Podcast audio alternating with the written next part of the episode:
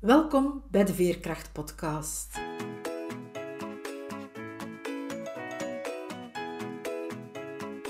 Ik ben Veerle Schaltien, levensverhalen en schrijfcoach. Met mijn bedrijf Wiebelwoorden trek ik voluit de kaart van veerkracht. Voor deze podcastreeks interview ik veerkrachtige vrouwen. Het zijn vrouwen zoals jij en ik, die soms wel eens het hoofd laten hangen maar die er vooral telkens opnieuw in slagen weer overeind te krabbelen. Die telkens opnieuw de moed hebben om door te gaan. Die ondanks alles ten volle in het leven staan en elke dag waardevol weten te maken. Hoe ze dat doen, vertellen ze je heel openhartig. Luister, snoep van hun woorden en laat je inspireren door hun verhalen. Want als zij het kunnen, kan jij het ook. Dag Isabel, welkom. Dag Veerle ik heb jou, dat is nu al twee jaar geleden, uh, denk ik, leren kennen tijdens een opleiding. Dat was een opleiding die Mieke Lanoy en Linda Nuits samen organiseerden. Mm En ik herinner me ja, uiteraard nog wat we daar tijdens die opleiding gedaan hebben, maar ook, het was dat weekend niet zo'n mooi weer, maar dat wij onder de middagpauze toch graag een keer naar buiten gingen en ja. samen onder de paraplu gaan wandelen zijn. Juist, inderdaad. Ja, fijn om daar nog eens op terug te blikken. Ja. ja. Maar je mag jezelf misschien eens wat uitgebreider voorstellen. Ja, graag. Dankjewel in eerste instantie, voor, uh, voor de uitnodiging. Heel fijn om hier vandaag aanwezig te kunnen zijn en om het over veerkrachten te hebben met jou vandaag. Ik ben Isabel, ik ben 40 jaar. Ik uh, woon samen met mijn man Bart in Gent de groene rand van Gent. Uh, wij hebben geen kinderen. Tot 2016 heb ik in het bedrijfsleven gewerkt, altijd als projectmanager en management consultant. En dan, ja, een vijftal jaar geleden heb ik beslist om een carrière switch te maken. Ben ik zelfstandig geworden en uh, ja, ben ik nu actief als coach. Je vertelt het al, wij hebben geen kinderen. In mhm. eerste instantie was dat niet jouw droom, hè, van geen kinderen te hebben. Nee, nee, dat klopt. Het leven is duidelijk een stukje anders uitgedraaid dan dat ik het altijd voor ogen had. Zowel mijn mannen als ik zelf hadden eigenlijk een hele grote kinderwens. Ja, in alle eerlijkheid, we hebben elkaar op latere leeftijd leren kennen. En zelfs op onze eerste afspraak kwam dat al ter sprake van kinderen. En hoe zie jij dat? Wilde jij graag kinderen? Dus bij ons was dat alle twee wel erg uitgesproken ja, eigenlijk van zodra dat wij getrouwd zijn, ik was al 28, mijn man was 30, mocht dat eigenlijk al komen bij ons kindjes. We waren er zo echt wel klaar voor om, om eraan te starten. Maar dat ging blijkbaar allemaal niet zo vanzelf. Nu, ik had toen in de tijd ook wel een job die toch wel heel wat vroeg van mij. En ik had ook vaak stress. Dus in eerste instantie dacht ik altijd van goed, alleen misschien als dit project afgewerkt is, zal het wat rustiger zijn. En misschien heb ik gewoon te veel stress, maar het zal wel lukken. Nu, ehm, ja, die maanden gingen voorbij. Ehm, er was nog altijd geen zwangerschap. Uiteindelijk na anderhalf jaar toch beslist om, om de stap te zetten naar een arts. Op zich kan je zeggen dat dat vrij laat is om daar zo lang mee te wachten. Had er ook wel een stukje mee te maken, denk ik, dat ik dat toch wel heel sterk op mijzelf betrok. Van, oeh, het ligt aan mij dat het niet lukt. En ja, als het wat rustiger is, dan zal het wel lukken. Dus ik was dat zo een stukje voor mij aan het uitschuiven. Maar dus van bij de arts verder doorverwezen, een aantal onderzoeken gedaan. Alles bleek eigenlijk altijd in, orde te zijn. Dus we werden toen ook aangemoedigd van doe nog een stukje verder op de natuurlijke wijze. We hebben nu een onderzoek gedaan. Het ziet er allemaal goed uit, het komt wel in orde. Maar na twee jaar waren wij nog altijd niet zwanger. En dan hebben wij de overstap gezet naar het fertiliteitscentrum. Ja, en toen is er eigenlijk een hele lange weg gestart voor ons ja, met heel veel pogingen, maar die niet tot een, uh, tot een zwangerschap geleid hebben. Zo'n weg, zo'n traject dat je daar dan doet, dat mm -hmm. vermoed ik een impact op heel je leven. Ja, klopt. Als ik daarop terugblik, kan ik dat achteraf zeker wel zo benoemen. Nu, op het moment dat ik daar zelf in zat, ja, dan, dan ga je daarvoor, je staat ervoor en je voelt wel, of ik voel het toch, van alles dat dat, dat dat heel zwaar was. Maar ja, die kinderwens is zo groot en, en je gaat ervoor. Hè. Je wilt gewoon zo graag dat er, dat er een kindje komt. Uh, maar dat heeft een heel grote impact wel gehad op mij. Um, We hebben eigenlijk vijf jaar geprobeerd om, om kinderen te krijgen, eigenlijk drie jaar in het medische circuit ook gezeten. Er werd ook nooit een oorzaak gevonden, geen reden waarom dat het bij ons niet zou lukken. Dus ja, van de ene poging gingen wij in de andere, ook van de ene behandeling in de andere. Eerst gewoon hormoonstimulatie, dan inseminatie, dan IVF en ICSI. En eigenlijk hoe langer dat ik daarin zat, hoe meer ja, dat ik wel voelde, alleen hoe zwaarder dat werd. Ik zal het zo zeggen. Eigenlijk zowel lichamelijk als emotioneel als mentaal. Ja, het feit dat het niet lukt en dat je vooral rondom u heen natuurlijk, het is een gekleurde bril waar dat je door kijkt, hè, maar dat dat lijkt alsof dat, dat bij iedereen lukt. In mijn omgeving, al mijn vriendinnen, collega's, die werden allemaal poef, precies fluitje van een cent zwanger. En ja, bij ons lukte dat dan niet. Ja, die jaren van mijn leven, ik voelde mij toen eigenlijk echt wel heel vaak gewoon gefaald. En ik liep met een heel groot schuldgevoel rond van ja, bij mij lukt dat niet, het zal wel aan mij liggen. Ik kan mijn man geen kinderen geven, ik kan mijn ouders niet het geluk geven om grootouder te kunnen worden. Dus dat was een, uh, ja, toch wel een zware periode in mijn leven. Daar ook aan toevoegen dat ik dat eigenlijk heel sterk voor mezelf hield, dat proces.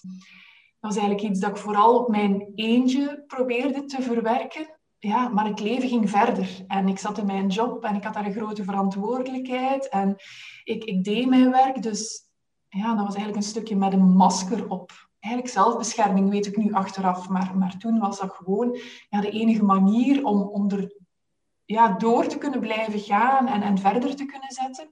Om mij een stukje sterk te houden, toch wel. Het was een manier om te overleven dan, eigenlijk. Ja, ja, absoluut. Ja, de pijn was eigenlijk heel groot op dat moment. Dat had een hele grote impact. Maar ja, de rest moest wel verder. Ik, eh, ik had die job, dat moest verder gaan. Eh, het leven gaat verder. Maar ja, intern, inwendig, dat was, uh, dat was afzien wel. Echt wel. Ja, want ik hoorde je dan ook zeggen van dat je een enorm groot schuldgevoel had. Dus ik denk dat je mm enerzijds met het verdriet zat omdat dat niet lukte, maar anderzijds ook, je vond dat je tekort schoot naar je man toe, naar je ouders toe. Ja, ja.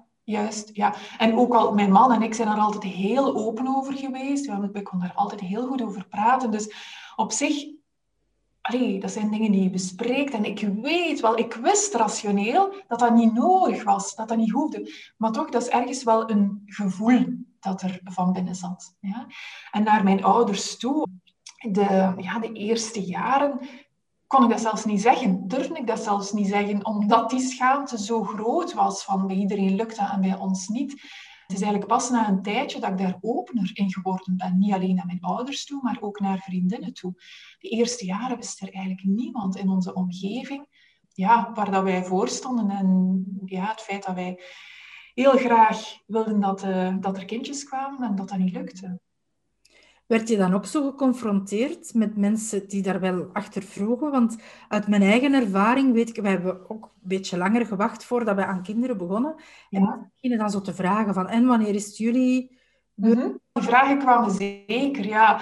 Eenmaal dat je getrouwd bent, dan, dan is logisch dat dat de volgende stap is in, de ogen van vele mensen. Dus dan vragen ze daar wel eens achter. Zeker dan op dagen zoals kerst of nieuwjaar. Wat mogen we nu wensen? En een kleine voor dit jaar zeker. Maar ik wimpelde dat altijd een stukje af. Zo van, och ja, eerst de carrière voorgaan en nu een belangrijk project. En nadien zien we wel. Ehm, ik, ik, wilde dat gewoon ook op dat moment niet, niet zeggen. Dat verdriet was zelf te groot. Ik kon daar gewoon op dat moment ook niet over beginnen tegenover anderen. Dus ook dat was een stukje zelfbescherming om dat gewoon voor mezelf te kunnen houden. Dat kan ik heel goed begrijpen, maar ondertussen denk ik dat elke keer als je die vraag krijgt, dat de pijn nog groter misschien werd. Ja, zeker. zeker ja. Hoe langer dat, dat duurde, hoe moeilijker dat het ook werd. Hè. Die onzekerheid die bleef. Redenen waarom dat het niet lukte, die kwamen er niet. De behandelingen die telkens ook wel meer en meer vroegen, omdat ze telkens ook wel zwaarder werden. Ja, ook fysiek vraagt dat dan veel. Mm absoluut. Ja. En het zijn ook hormonenbehandelingen, dus mhm. ook ik zeg fysiek, maar ook het, eh, het emotionele daarbij. Hè? Ja, zeker. Ja, er wordt altijd gesproken over die emotionele rollercoaster. En, en dat is het echt wel. Het is echt zo. Als het niet gelukt is, val je in een, in een, echt in een gat. want je had er zo naartoe geleefd of gehoopt, ook al beschermde jezelf een stukje en wilde niet te veel hopen, omdat de teleurstelling niet te groot is, maar toch valde in dat gat van het is niet gelukt en dat verdriet is er.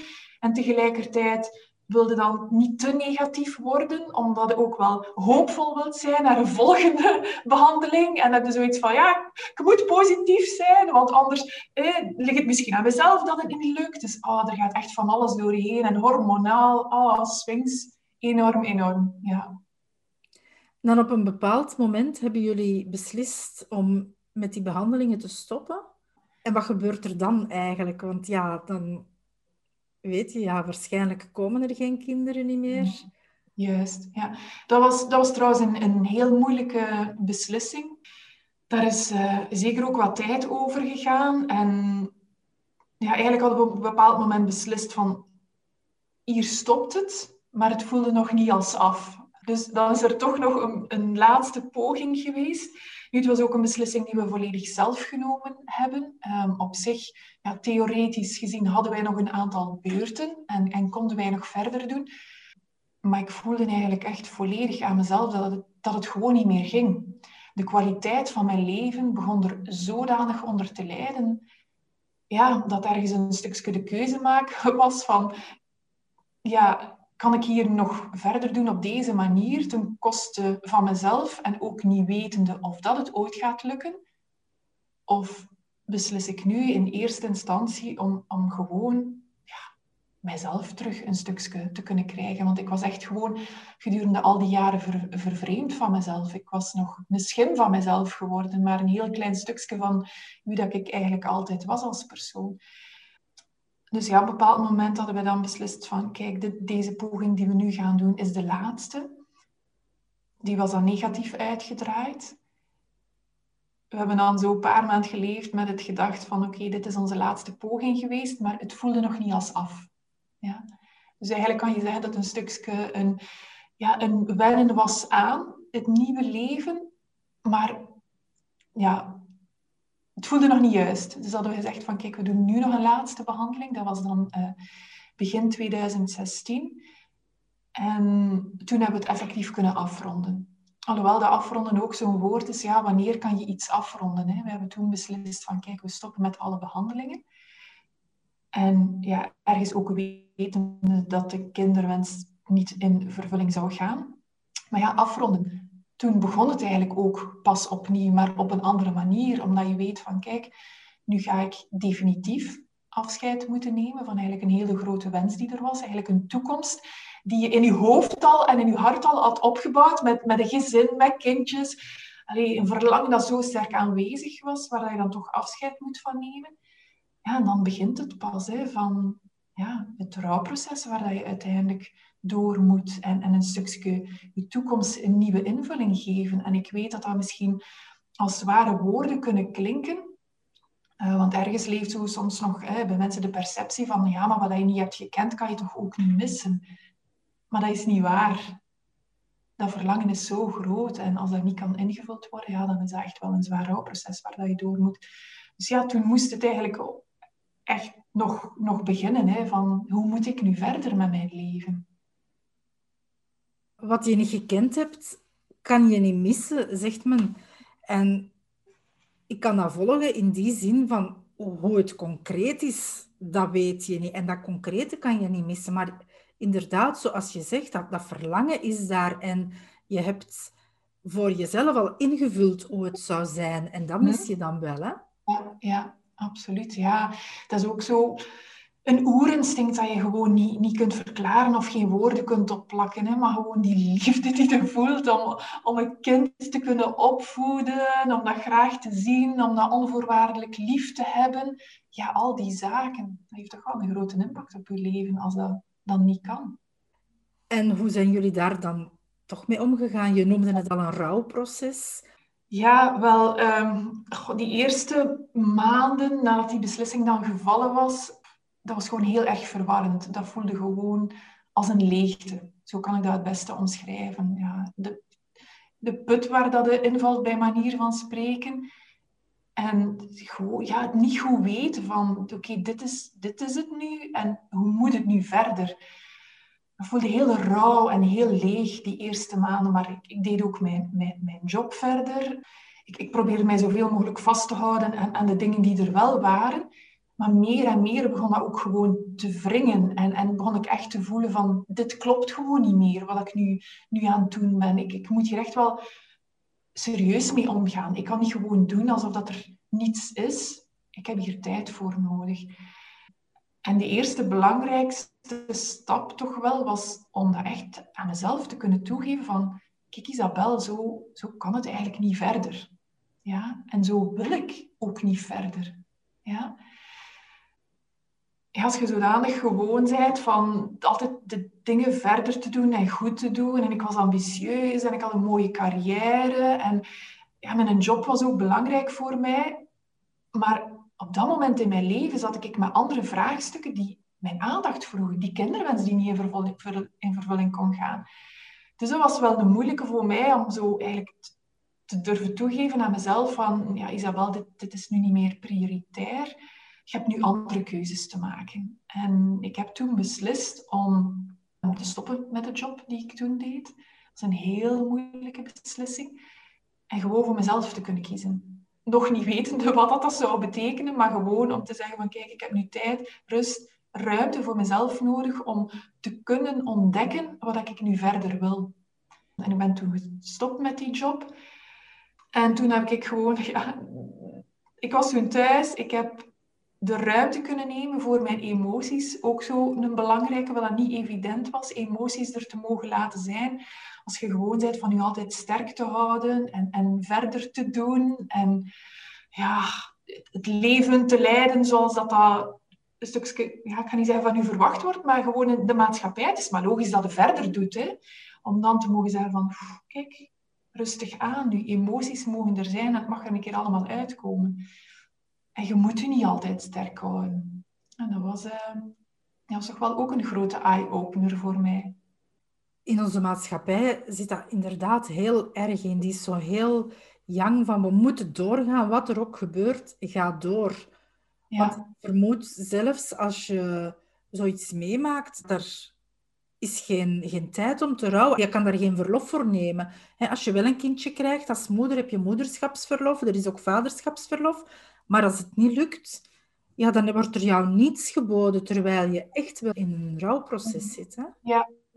Ja, en niet alleen een stukje de maatschappij. Ik denk ook ja, dat dat een stukje persoonsgebonden is. Bij mij is dat toch ook zeker mijn eigen karakter. Van ja, je sterk houden en maar doordoen. En uh, ja, je, je, moet wel tegen een stootje kunnen. En, en die zaken ook gewoon. Hè. Dus het lag zeker ook wel een stukje in mijn eigen karakter. Om dan te beslissen van nu even rust en alles on hold was ook voor mijzelf toch wel een, op dat moment een heel moedige stap om dat te kunnen zeggen. Ja, en die te kunnen nemen. Nu, ik denk ook niet dat jij de enige bent die zoiets van thuis uit meegekregen hebt, omdat dat eigenlijk ingebakken zit in, in onze maatschappij. Dat was vroeger zo. Ik denk dat dat nu stilletjes aan een beetje aan het veranderen is. Maar zeker, vroeger werd je opgevoed om maar om maar door te doen. Hè. Dus ik kan hem wel zeggen, dat is een stuk mijn karakter. Allee, wat ik ook wel, wel geloof, iedereen heeft een karakter. Maar ik voel toch ook dat dat heel erg ingebakken zit in de maatschappij, in, in wat mensen van thuis uit meekrijgen. In, in het doen zitten de resultaten en is het ook vaak de waardering en de voldoening en de erkenning en ja, die zaken allemaal meer. Hè. Ja. Maar je had dan toch de moed zelf om te zeggen van nu, het kan niet meer, ik stop. En ik sta wel stil bij wat er in mij gebeurt. Ja, ja. Heeft dat dan voor een omkering gezorgd in je leven? Of hoe moet ik dat zien? Ja, toch wel. Dat heeft mij ook... Dat klinkt misschien als wollige woorden, maar uiteindelijk komt het daar echt wel op neer. Dat heeft ertoe geleid dat ik dichter bij mezelf kon komen. Eigenlijk heel die maanden nadien die toen volgden, ook al was dat heel zwaar, en zijn er heel veel tranen gevloeid en was dat heel heavy. Maar toch had ik voor mezelf beslist van kijk, ik wil dit nu ook zien als een uitnodiging naar mezelf toe en een kans om echt te gaan kijken van wat wil ik nu graag nog verder doen? Wie ben ik? Wat past er bij mij? welke richting ga ik verder uit met mijn leven? Want mijn job in het bedrijfsleven, ik deed dat ook altijd graag. En dat paste ook wel bij mij, maar toch was er precies zo nog een, een diepere kern die er ook zat. En die zo nog niet tot uiting was kunnen komen. Dus ergens heeft dat er ook wel een stuk voor gezorgd, die onvervulde kinderwens, dat ik dichter bij mezelf ben durven komen. Of toch die, ja, die ontdekkingstocht ben durven ingaan. Ja, van wie ben ik nu echt? Ja, want ik heb, ik, heb, ik heb ingenieurstudies gedaan, dus ik ben een heel rationeel persoon en ik hou van structuur en, en ja, cijfers en al die zaken, maar eigenlijk als, als persoon, als ik echt naar mezelf kijk, ben ik ook een heel intuïtief persoon en heel erg mensgericht en super geïnteresseerd in alles wat te maken heeft met gedrag van mensen en dus tot een volle potentieel kunnen komen. Dus dat zat er ook altijd in. Mijn vriendinnen zeiden soms wel een keer tegen mij vroeger van Isabel, had je geen psychologie moeten doen? Maar om haar te tonen van ergens zat er ook nog een ander stuk in mezelf dat nog niet tot uiting was kunnen komen. Dus ja, kon ik het ook wel zien. Pas op, allez, op dat moment nog niet, maar achteraf toch wel een stukje van... Goed, dit was eigenlijk ook een stuk een uitnodiging om verder te gaan kijken van wat wil ik nu graag nog meer doen in mijn leven, welke richting wil ik uitgaan. Ja. Dus dat heeft mij zeker ook een stuk dichter bij mezelf gebracht.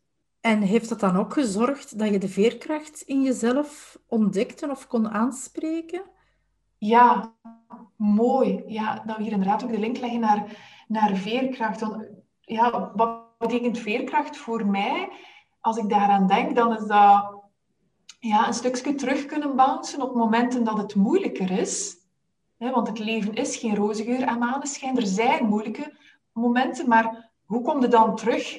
Dat is veerkracht. Zo, allez, zo kijk ik ernaar. Maar wat is er daar volgens mij ook echt voor nodig? Dat is jezelf een stuk kennen. En echt weten van wat past bij jou. Wie zijde jij in de kern? Wat zijn uw waarden? Op welke manier wilde jij leven? Wat maakt u echt gelukkig? Ja. En door, ja, door die reis aan te gaan, ben ik daar gewoon... Is dat gewoon duidelijker geworden voor mij. En ben ik ook gaan, meer en meer gaan, gaan beseffen dat die intuïtieve kant ook zo heel sterk in mij zit. En dat ik dat heel fijn vind om daarmee aan de slag te gaan. En dat die ook een grotere plaats mag beginnen innemen in mijn leven. Maar ook bijvoorbeeld het feit dat ik een hoogsensitief persoon ben. En dat ik ook echt wel heel vaak nood heb aan rust en ontprikkelen. En dat beseffen van mezelf en dat aanvaarden, nog zo'n belangrijk woord, hè, dat maakt wel dat ik veerkrachtiger in het leven kan staan. Wat niet betekent dat nu altijd eh, alleen maar de highs zijn. Iedereen kent nog die highs en die lows. Maar ja, jezelf een stuk beter leren kennen maakt ook dat je er beter rekening kunt mee houden. Ja, en dat die veerkracht meer en meer kan opgebouwd worden. En dat heb je zeker gedaan. En je hebt door dichter bij jezelf te zijn, je leven een nieuwe wending gegeven. Misschien wil je daar ook nog iets over vertellen? Ja, zeker. Ehm, zoals ik zei, in 2016 heb ik uh, een grote switch gemaakt. Hè. Voordien heb ik altijd in, in het bedrijfsleven gewerkt. Nu heel, het, ehm, heel mijn innerlijke proces, om het zo te noemen, en naar aanleiding van mijn onvervulde kinderwens, heeft mij het wel laten stilstaan bij wat vind ik belangrijk in mijn leven? Waarin zitten mijn sterktes, mijn talenten? En daarin is die andere kant van mezelf, niet alleen die rationele, analytische kant, maar vooral ook die, meer intuïtieve, die mensgerichte kant, uh, die empathische kant, die is ook wel heel sterk tot uiting gekomen. En dan kwam ik echt tot het besef van, ik wil iets doen met en voor mensen. Ja, terwijl in het bedrijfsleven toch wel vaak die bedrijfsresultaten primeren, ik echt gewoon iets doen met een meer directe impact naar de mensen toe. Dus dan, uh, dan heb ik ja, de switch gemaakt naar, naar coaching. En daar ben ik me nu nog steeds in aan bijscholen, al vijf jaar aan een stuk. In eerste instantie heb ik toen ja, die, die link gelegd naar andere mensen met een onvervulde kinderwens. Omdat mijn eigen proces mij zoveel geleerd had. Ook hoe dat ik daar zelf sterker kon uitkomen. Hè. Want dat is een stukje waar dat we het nu nog niet over gehad hebben. Ik ben op dit moment echt wel gelukkig in mijn leven. Ook al zijn die kinderen er niet gekomen.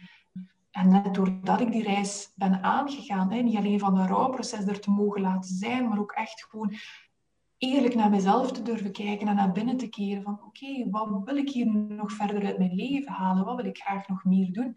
Dus in eerste instantie heb ik ja, mijn coaching-expertise verder uitgebouwd naar mensen met een onvervulde kinderwens. Dat doe ik nog altijd op dit moment. Dus ik begeleid nog altijd mensen met een onvervulde kinderwens. En ja, de laatste tijd, laten we zeggen, het laatste anderhalf jaar, is daar ook ondernemerscoaching bijgekomen. Je hebt dus die uitnodiging aangenomen en je bent erin geslaagd van daardoor dichter bij jezelf te komen. En ik zie dan nu, als ik naar jou kijk, toch wel echt een gelukkig mens voor mij. Ja, ja dat klopt ook wel. Ja, ja. Goh, ik denk dat ik echt nu gewoon veel meer geniet van alles wat er wel is, Veerle. Um, en dat daar gewoon veel bewuster bij stilsta. Het is precies alsof dat je, of, of toch bij mij, het besef van dat veel dingen gewoon niet vanzelfsprekend zijn. En tegelijkertijd dat je ook gewoon wel de keuze hebt van hoe dat je in het leven wilt staan, dat dat toch wel ja, veel bepalend is. En ja, gewoon de kleine dingen, waar kan ik wel van genieten? Wat is er wel in mijn leven? Waar heb ik wel impact op? Hoe wil ik in mijn leven staan? Zijn dingen waar ik nu veel bewuster van ben dan vroeger. En zoals wandelingen maken met mijn man of weekendjes, nu in coronatijden is dat natuurlijk wat moeilijker. Maar gewoon ja, genieten van de kleine alledaagse dingen, appreciatie uitspreken, kan echt een hele grote impact maken. Je hebt denk ik ook neefjes en nichtjes. Hebben die ook een bijzondere plaats in je leven? Ja, zeker wel. Zeker wel. Ja, want nu in, in deze coronatijden ook is het toch wel wat moeilijker dat ik die allemaal zo niet kan zien. Maar uh, ja, ik ben tante, ik ben meter. En het is altijd heel fijn als die kinderen, want ondertussen zijn de meesten al wat groter geworden, als ze een keer op bezoek kunnen komen of als ze kunnen komen logeren. Dat is heel fijn. Uh, mijn broer, ik heb één broer, hè. Uh, de andere kindjes zijn voornamelijk langs de kant van mijn man. Maar mijn broer heeft ook een, een zoontje van eind 2019 en daar ben ik meter van. En ik kan er super van genieten als ik zo foto's of filmpjes doorkrijg op die ja, bijzondere momenten nu, als ik hem dan toch eens kan zien ah, dan, dan smelt mijn hart echt. En ik kan er ook van genieten. Ja, dat is heel fijn. Vroeger, ten tijde van die behandelingen nog, was dat heel pijnlijk wel. Maar nu kan ik er echt van genieten, van zo die kindjes te zien en hoe dat ze opgroeien. Dus dat betekent dat echt uh, het feit dat jij zelf geen kinderen hebt, dat je dat gewoon hmm. een plek hebt kunnen geven. Ja, nu, ik geloof ook wel dat dat een rouwproces is dat nooit volledig over is. En dat dat in bepaalde fasen van het leven echt nog serieus kan terugkomen. Maar voor mij voelt het wel als ik leid mijn leven, nu dit leven, en ik ben er gelukkig mee. Ja? En ik, ongetwijfeld met kinderen had dat ook een heel gelukkig leven geweest. Maar op dit moment, het leven dat ik nu heb, is ook een heel gelukkig leven. Samen met mijn man en familie en vrienden die we graag zien. Ja, we denken vaak dat het leven, dat alles in het leven heel maakbaar is. En als je hard genoeg je best doet, dan, dan kom je er wel. Ja. En dan ben jij toch wel heel erg geconfronteerd geweest van ja, maar dit is niet maakbaar. Dit, dit heb ik volledig niet in de hand. Hè, waardoor dat er eerst heel veel schuldgevoelens, schaamtegevoelens en zo kwamen. Je bent dan heel dat rouwproces moeten doorgaan. En ik hoor je nu zeggen van met kinderen was het ongetwijfeld ook een leuk leven geweest, maar zonder kinderen is het ook een leuk leven. Dus het is zo, misschien is het toch niet zo maakbaar zoals wij het voor ogen hebben, maar je kan altijd wel mhm. je leven op een bepaalde manier gelukkig maken. Of ja. zinvol en waardevol maken. Wat dat jij zeker wel doet. Hè? Ja. ja, zo zie ik het ook. En ook twee mooie woorden die je daar gebruikt, zinvol en waardevol. Absoluut. Daar heb ik toen ook echt heel sterk bij stilgestaan van wat betekent dat precies voor mij, zinvol en waardevol. En ik denk dat dat voor iedereen iets anders kan zijn, maar gewoon al het feit dat je jezelf die vragen stelt en daar een stuk bewust kan van worden, betekent ook dat je er kunt naar handelen en beslissingen kunt nemen in functie daarvan. Heb je misschien naar de luisteraars nog een tip om veerkrachtiger in het leven te staan? want jouw veerkracht is serieus uitgedaagd, hebben we gehoord. Maar misschien heb je nog wel in het algemeen een tip die voor luisteraars ook van toepassing kan zijn. Ja, ik denk dat ik er wel een paar heb, maar ze sluiten wel dicht bij elkaar aan. Er een paar zijn. De, ja, de eerste zou ik willen starten met... Ja, hoe dichter dat je bij jezelf komt en hoe meer dat je zelf leert kennen en jezelf leert accepteren voor wie dat je echt in essentie bent, hoe gemakkelijker dat dat ook zal zijn. Ja? Als ik bijvoorbeeld mijn, mijn introverte kant en mijn hoogsensitieve kant enzovoort allemaal niet, niet aanvaard, ja, dan ga ik me daar continu tegen verzetten. En dan mag ik nog van alles proberen, bij manier van spreken, maar ja, dan ga ik niet echt veerkrachtig in het leven staan, omdat ik aan het werken ben tegen mijn natuur in. Dus uw eigen natuur leren kennen en erkennen vind ik een hele belangrijke in eerste instantie. En in tweede instantie ook durven uitreiken. Ja, is ook een hele belangrijke geweest voor mij, een heel proces. Ja, want alles alleen willen doen. En ja, het idee altijd gehad van, ja, als je het niet alleen kunt doen, dan zijn je dan niet zwak enzovoort enzovoort. Maar daar heeft het eigenlijk totaal niks mee te maken. Uitreiken is net ook een teken van sterkte. En je hoeft het niet alleen te doen. Ja, je bent wel degene die het moet doen, maar je moet het niet alleen doen. Dus ja, veerkrachtig. Uitreiken, daar bedoel je dan ook hulp vragen? Ja, ja. En, en dat kan zowel zijn naar, naar een partner, als naar familie, als naar vrienden, als naar een coach of een andere professional. Ja, maar we hoeven het niet alleen te doen. We mogen connecteren met de ander. We mogen ons kwetsbaar opstellen. Het is net ook in die connectie alleen dat er mooie verbindingen kunnen ontstaan en dat je kunt helen. Je hoeft het niet alleen te doen. Ja, dat is een heel belangrijke, want ik denk dat dat voor veel mensen niet evident is. Mm Van zelf zo die stap te zetten. Het kan zijn uitreiken om hulp te vragen. Het kan ook uitreiken om verbinding te zoeken dat uitreiken kan op verschillende manieren zijn. Juist, juist. En ik snap dat heel goed dat dat niet altijd evident is. Voor mij is dat ook een drempel geweest. Nog soms, hè, maar al een heel groot verschil ten opzichte van vroeger. Maar het is zo waardevol. Ja. ja. Dank je wel voor deze bijzondere tips. En voor het hele gesprek trouwens. Dank je wel. Graag tot de volgende keer.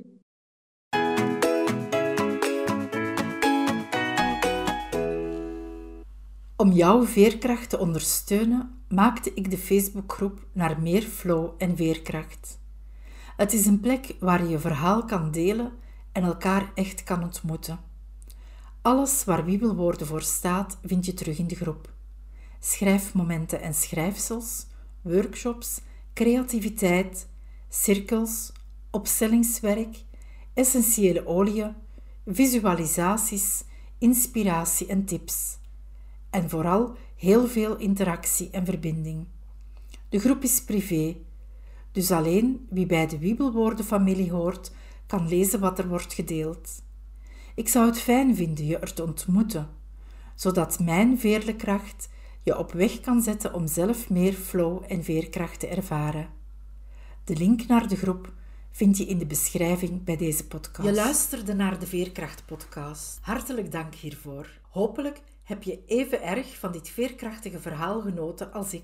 Laat je er zeker door inspireren. Ben je benieuwd naar het volgende interview? Of wil je niks van deze podcastreeks missen? Surf dan naar www.wiebelwoorden.be of abonneer je nu meteen gratis op deze podcast via Spotify of een andere podcast-app. De montage van deze podcast was in handen van Johannes Veremans. Nogmaals dank voor het luisteren en graag tot de volgende aflevering.